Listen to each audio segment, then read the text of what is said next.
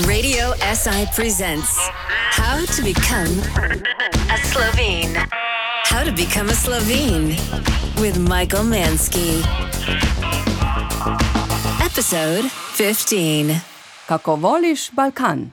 Being Slovene means loving everything that comes from the Balkans, but getting angry if someone says Slovenia is a Balkan country. A true Slovene is schizophrenic when it comes to anything below the Dragonja River. On the one hand, everyone vacations in Croatia and listens to Balkan music and loves Cevapcici.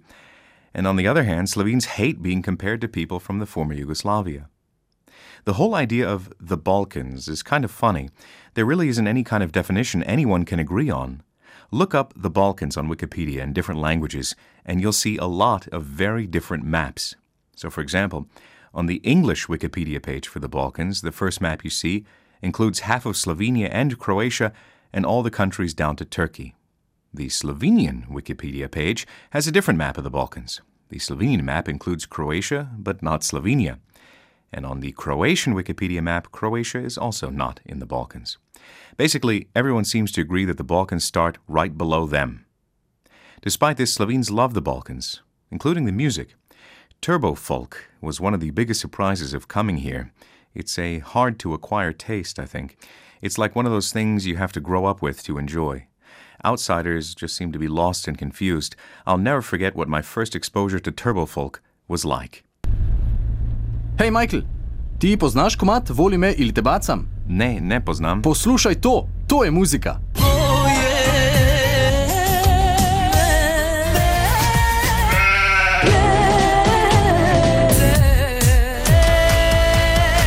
Kaj pa to, ha?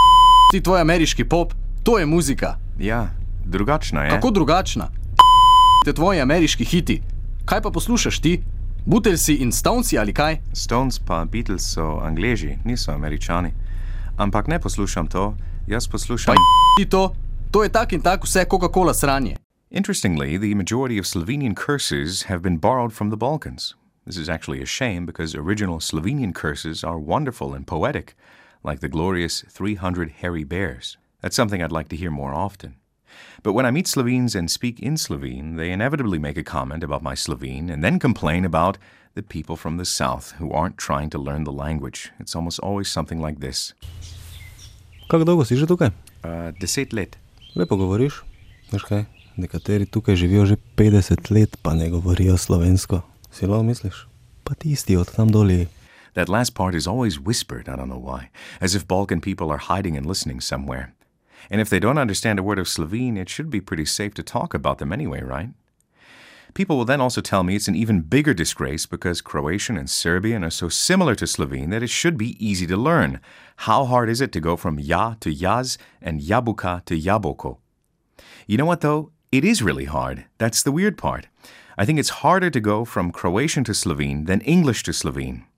I know this because I find similar words to be much, much harder to learn. I have no problem picking up totally new words, but it's really hard to pronounce words that are similar or even the same.